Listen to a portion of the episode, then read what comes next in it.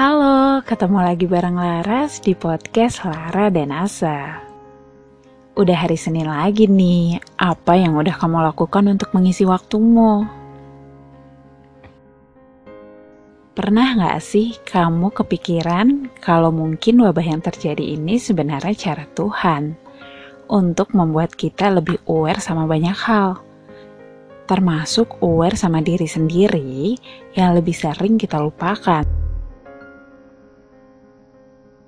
Ini terjadi nggak sama teman-teman? Kita memikirkan banyak hal, mengurusi perasaan orang lain mungkin, tapi kita lupa ada juga yang perlu diperhatikan dalam diri kita. Ada yang perlu diberi rasa percaya, atau mungkin dikuatkan karena terlalu lelah.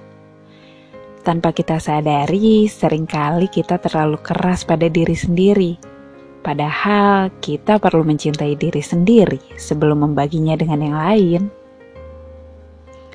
Tak jarang kita malah kecewa akan diri sendiri.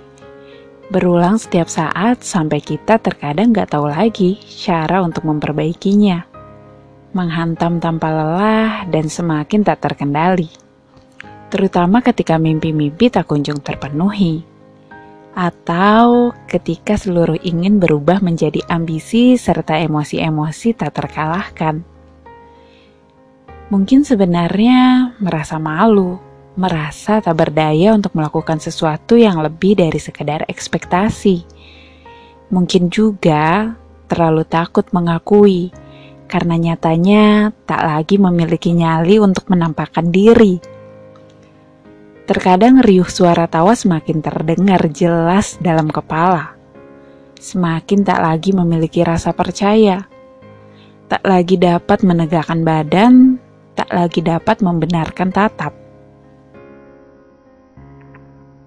Ingin pergi, namun entah ke mana. Ingin menghilang, entah dari siapa. Bahkan diri sendiri pun enggan untuk ditemui. Pernah nggak sih kamu mencoba menyisihkan waktu untuk sekedar mengajak berbincang dirimu sendiri? Bertanya dan menyampaikan pada dirimu, bagaimana kabarmu? Bagaimana hari yang melelahkan ini? Bagaimana hari yang menjenuhkan yang harus terus berulang? Terima kasih sudah kuat berjalan sejauh ini.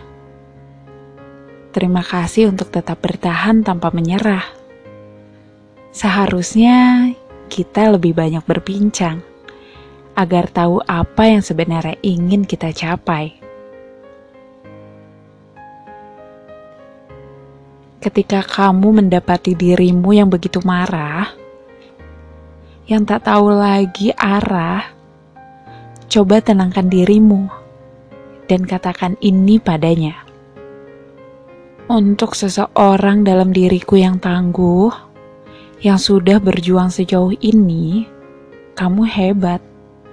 Apa pun yang sedang diperjuangkan, tak ada yang sehebat dirimu untuk bertahan, untuk tetap kuat berdiri dan melangkah hingga saat ini.